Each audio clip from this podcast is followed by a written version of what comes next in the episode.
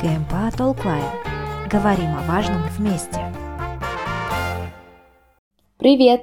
Сегодняшний наш выпуск будет посвящен примеру того, как школьницы из Казахстана продвигают гендерное равенство у себя в стране и у себя в окружении. Сегодня, в день, когда мы выпустили этот подкаст, отмечается Международный день девушек и женщин науки 11 февраля. Это день признания и проявления уважения к женщинам и их достижениям. А также 11 февраля это день поддержки борьбы за равенство полов и женские права. В Казахстане очень много талантливых девочек-подростков, но не каждая из них имеет возможность получить образование, не говоря уже об изучении точных и перспективных наук, таких как химия, биология, математика, инженерия или IT. В Казахстане, да и во всем мире девушек ограничивают в выборе профессии. Если вы девушка, то насколько часто вы слышали от родных фразу «Но это ведь не женская профессия. Выбери что-то попроще. Ты ведь все равно будешь замужем, сидеть дома и заниматься семьей. Таким образом, женщины почти не предоставлены в науке.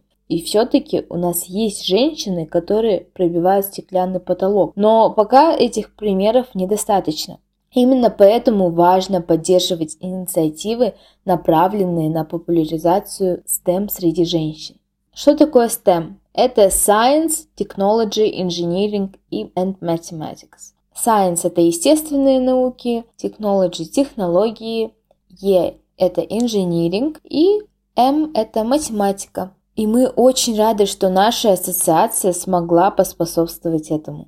Мы пригласили сегодня девочек, которые занимаются этим проектом. Они участницы школы молодого лидера. Школа молодого лидера является проектом нашей ассоциации, и подростки Казахстана могут принять участие в этой школе, получив ценные знания о репродуктивном здоровье, лидерских навыках и многих других, и в конце создать свой собственный проект. STEM-КЭС, несмотря на то, что он создался совсем недавно, уже приносит результаты и меняет мир.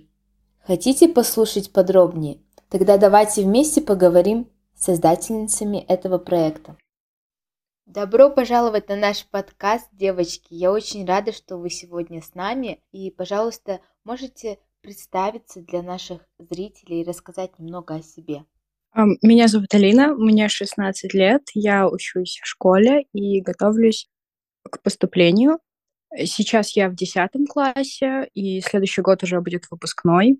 Я занимаюсь помимо проекта еще волонтерством и стараюсь всячески быть активной в жизни. А, меня зовут Салтанат, мне 17 лет, я живу в Астане, тоже учусь в школе, и в следующем году я тоже выпускаюсь, и Сейчас я готовлюсь к поступлению очень сильно и очень волнуюсь насчет этого, потому что очень хочу поступить за рубеж. И мои хобби — это рисование. Раньше я занималась фигурным катанием. Ну вот. Очень-очень приятно с вами познакомиться. Еще на самом деле я очень удивлена тому, что в таком юном возрасте вы уже а, создаете что-то полезное для общества, тем более то, что касаемо гендерного равенства, это вообще удивительно. Сама я раньше никогда не задумывалась о том, чтобы стать инженером в будущем. А, всегда рассматривала такие профессии, как врач, педагог. Ну, наверное, повлияли на это мои родители. Они всегда говорили, что это не женская профессия работать на заводе. И всегда говорили, вот, врач приносит пользу, это и там и хлопот поменьше. В общем, выбирая эту профессию. Но никогда не давали выбора как такового. Сейчас, сейчас я и не стала инженером, и не реализовалась в STEM. Но очень радует то, что вот такие проекты, как у вас, они рушат гендерные стереотипы и позволяют девушкам выбирать профессии, которые им реально нравится и которые приносят пользу.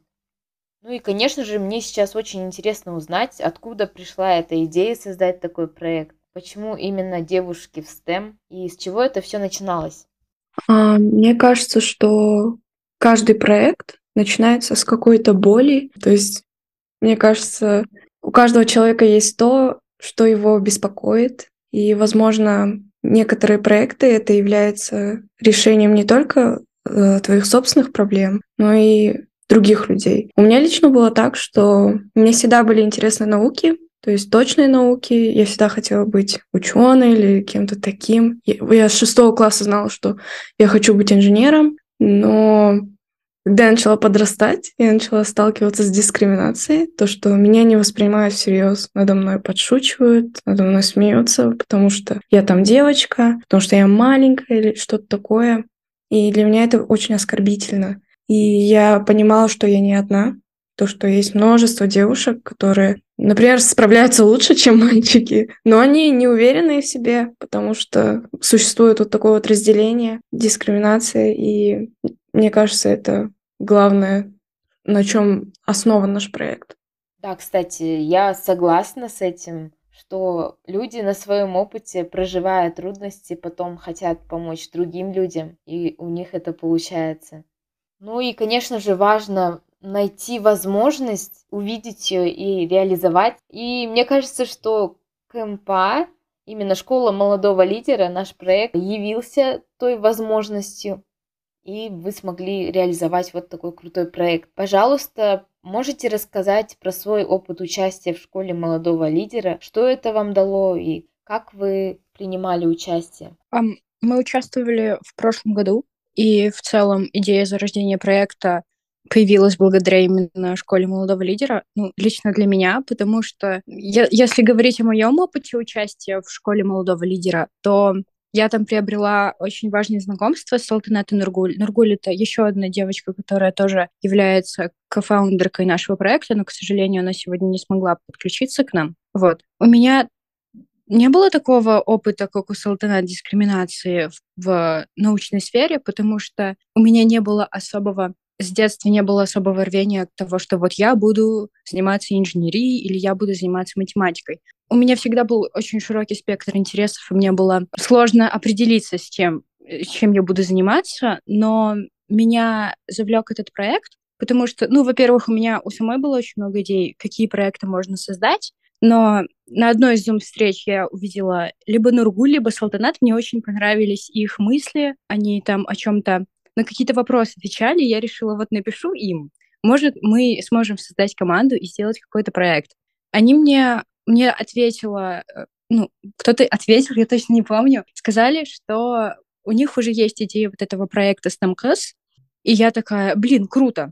И сначала, честно признаюсь, я не особо была в этой всей теме. Я знала, что гендерное неравенство — это большая проблема, и с ней нужно бороться, но это не было особо близко для меня. Затем мне девочки начали рассказывать, с чем они столкнулись, и я в целом была удивлена тем, что, например, девочки могут заниматься чем-то таким, но я это интерпретировала немного в свою сферу, и я вообще из небольшого города, и у нас очень мало людей, которые действительно интересуются инженерией или робототехникой. И мне как бы затро... Э, задела вот эта вот тема, и я решила, что было бы неплохо продвигать гендерное равенство, бороться с гендерным неравенством и бороться с этим неравенством возможностей между людьми, которые живут в больших городах, и девушками, которые, соответственно, больше заинтересованы во всяких мероприятиях, потому что они там непосредственно проходят, проводится какая-то информационная работа. И также прививать такой же интерес к девушкам, которые живут в сельских местностях или в небольших городах, или учатся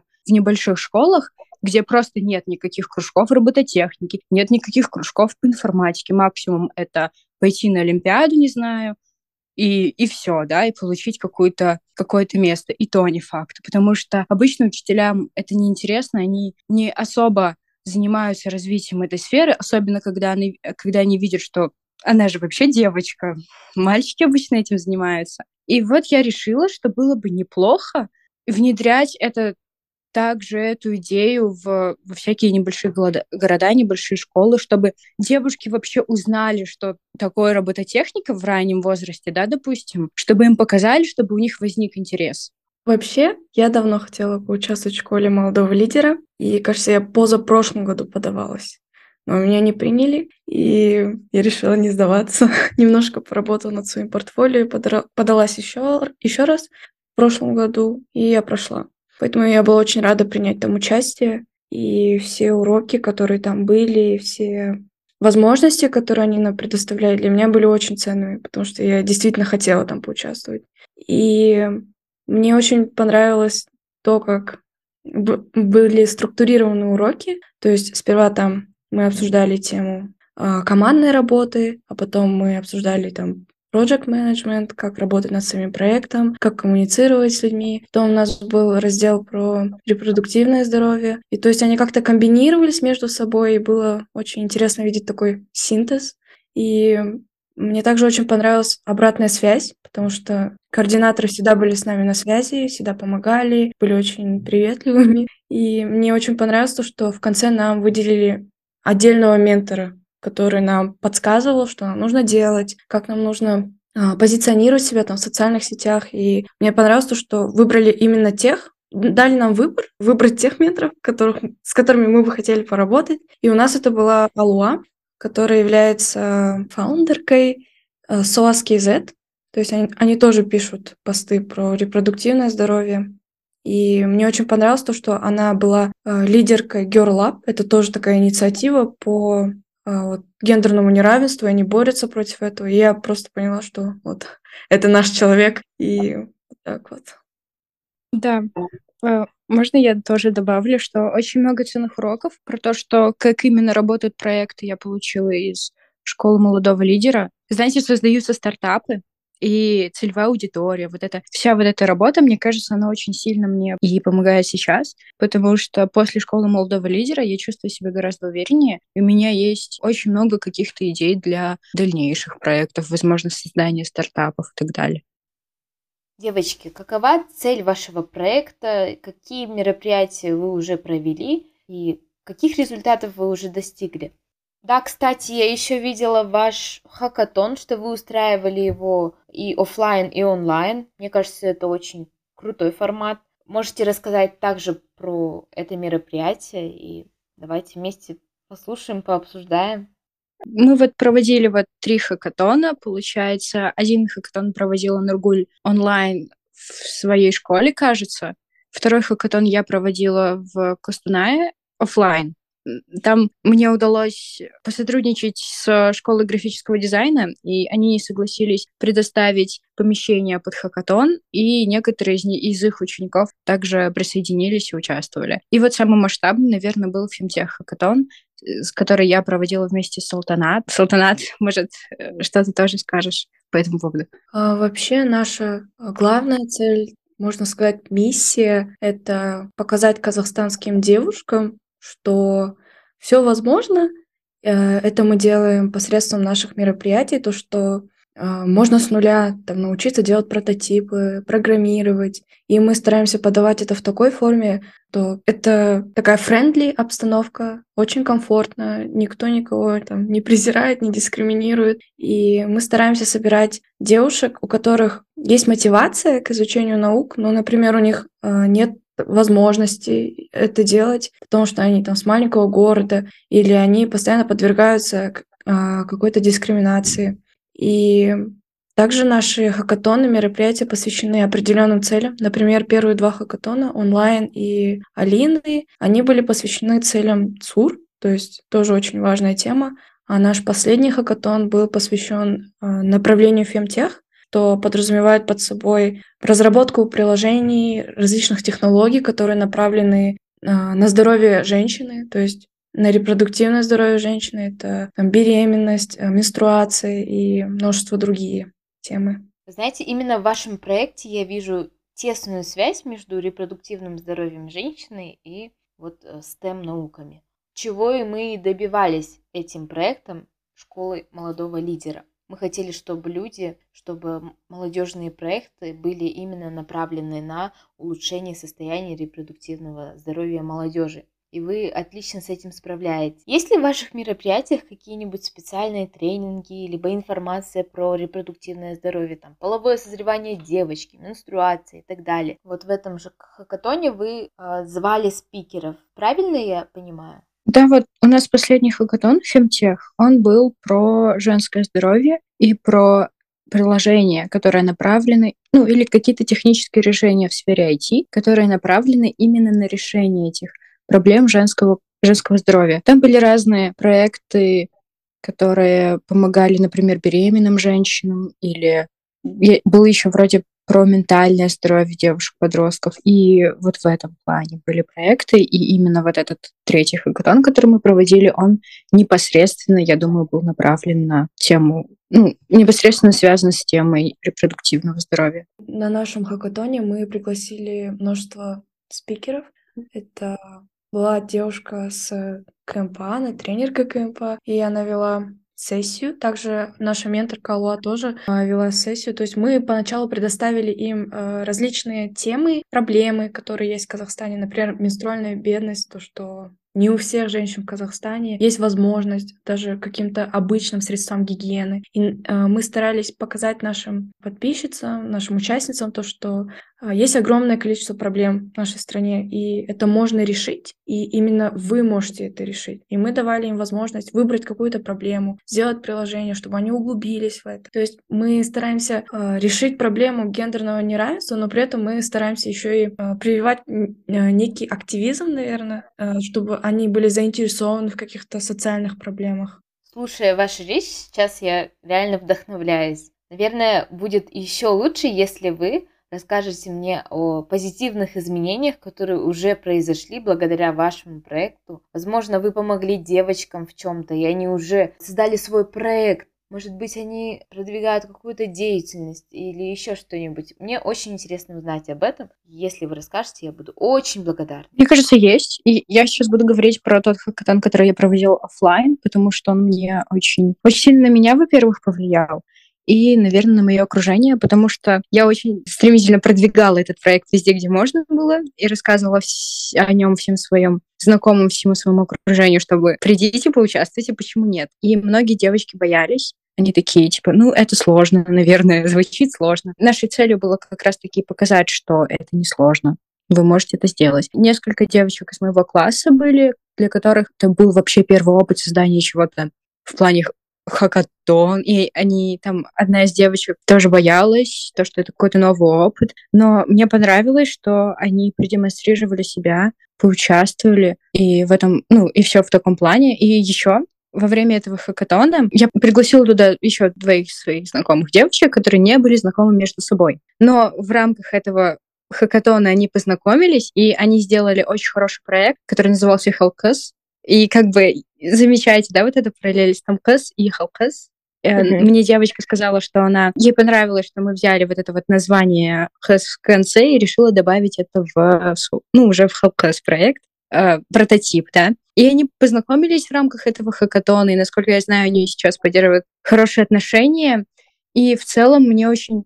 Я очень часто слышу что-то по типу того, что людей, девочек, которые со мной знакомы, их очень вдохновляет де... деятельность Том Круз, и им, им прям приятно знать, что ну вот есть Алина, я ее знаю, и она вот этим занимается, и это круто. Мне кажется, это вселяет в девушек уверенность, что даже если тебе 16 лет, и ты, например, не гений математики, ты можешь сделать что-то, чтобы повлиять на этот мир. Не обязательно быть для этого очень сильно богатым или очень сильно умным. Да, ну в целом я замечаю эту динамику, то, что девочки все больше и больше вовлекаются, и я очень рада, что вы проделываете такую работу. Я думаю, они после того, как сами начнут заниматься STEM направлением, также будут влиять на свое окружение, и это очень круто. Да, я думаю, да. Вот мне очень тоже интересно узнать, сами куда вы собираетесь поступать? Вы школьницы, и впереди у вас поступление. А какие, Каким направлением вы сами интересуетесь, чем занимаетесь и кем вы себя видите в будущем? Честно, очень сложно говорить об этом, потому что поступление это очень тяжелый процесс. Нужно обхватить все векторы своей заявки, то есть это экзамены, это твоя внешкольная деятельность, твои оценки, и они все должны быть хороши. То есть не должен быть какой-то перекос в одну сторону, и а также эссе где ты описываешь себя, познаешь себя, рефлексируешь вообще свою жизнь. И мне кажется, я вообще думала поступать в Корею, я изучала корейский язык, но сейчас я думаю, Может быть, мне попробовать в Канаду или в США. Но я, честно, пока не знаю. Мне еще нужно подумать. А если про профессию, то это, в общем, инженерия. Но если а, какая-то специфичная часть, то, наверное, электроник инжиниринг, потому что мне нравится робототехника, и мне очень нравится работать с электроникой, с этими компонентами, и мне хотелось бы и в будущем продолжать это. Очень актуальный вопрос. Я сейчас э, работаю над своим поступлением, я думаю, тоже за рубеж, США, Канада. Вообще я в классе седьмом, наверное, так думала о том, что я могу поступить. Потом в восьмом, в девятом я резко потеряла веру в себя и думала о том, что куда мне в США, зачем. И это очень дорого и сложно. Но сейчас я встретила как раз-таки Салтанат и Нургуль, которые мне сказали, что, ну, они рассказали о том, что они поступают, и я подумала, что почему бы не попробовать, и даже если я не поступлю, это будет большим опытом для меня. Я сейчас готовлюсь к экзаменам, и я поняла, что если бы я не ставила перед собой такой цели, сдать, например, такой экзамен или попробовать поступить, то, мне кажется, я была бы в плане, например, даже английского языка у меня был бы сейчас не такой уровень я бы не стремилась развивать себя, да. Я еще думала над поступлением в Назарбаев университет, потому что, ну, это кажется более ре... приземленным и реальным. Э, и там еще есть God Foundation, и я думаю, что мне знакомые рассказывали, что можно походить, попробовать, узнать, что тебе нравится, что тебе нет. Вот. Но я недавно тоже думала о том, а кем мне быть по жизни вообще, потому что это всегда был очень острый для меня вопрос. Я сначала думала, что я хочу быть врачом, но, если честно, недавно я учила биологию, я там уже около двух, наверное, лет участвую в Олимпиадах. Я вот сидела и понимала, что я не хочу быть врачом, я не хочу этим заниматься. Ну, ну, мне не так это горит, не так это нравится. И я подумала о том, чтобы, возможно, быть педагогом. И, возможно, даже по этим наукам биология, химия, потому что в целом это интересные науки, но я не, я не хочу быть врачом, вот честно. А педагогика — это, а, ну, мне кажется, это связано с нашим проектом, потому что мы продвигаем, повышаем вовлеченность девушек в науке, и учителя ведь делают то же самое, и их задача тоже вселить в нас уверенность и сказать, что вы сможете, давайте. Я хочу, наверное, быть учителем. Скорее всего, это очень здорово, то, что вы реализовали такой проект еще до своего поступления. Это будет огромным плюсом для вас. А что насчет вот будущего вашего проекта? Что вы собираетесь с ним делать? А, я уверена, что вы в скором времени разъедетесь, и не хотелось бы, чтобы проект угасал, хотелось бы, чтобы он продолжался, приносил пользу обществу. Есть такая фраза «Сперва помоги себе, потом уже помогай остальным». И сперва мы должны сфокусироваться немножко на себе, поступить, куда мы хотим, потом уже на свежую голову планировать, что мы хотим делать с проектом, потому что это огромная работа.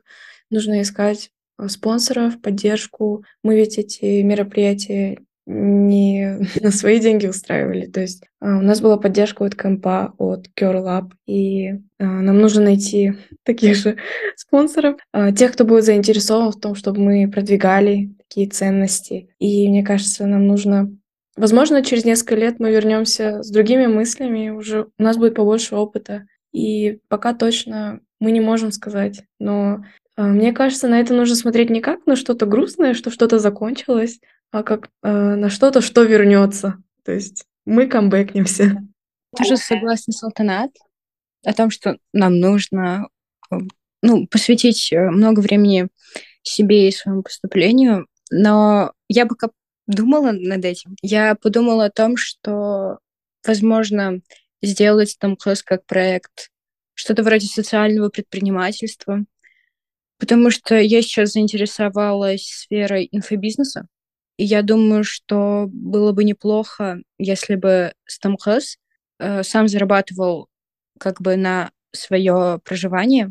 И можно устраивать различные платные мероприятия, затем вырученные деньги тратить на ту же, например, благотворительность. Я видела одну девушку, которая заработала полмиллиона на дебатах. Она устраивала вроде что-то. И затем на эти деньги купила в сельские школы экземпляры по биологии, типа э, скелетов там и так далее. Я думаю, что в целом мы же можем сделать так же.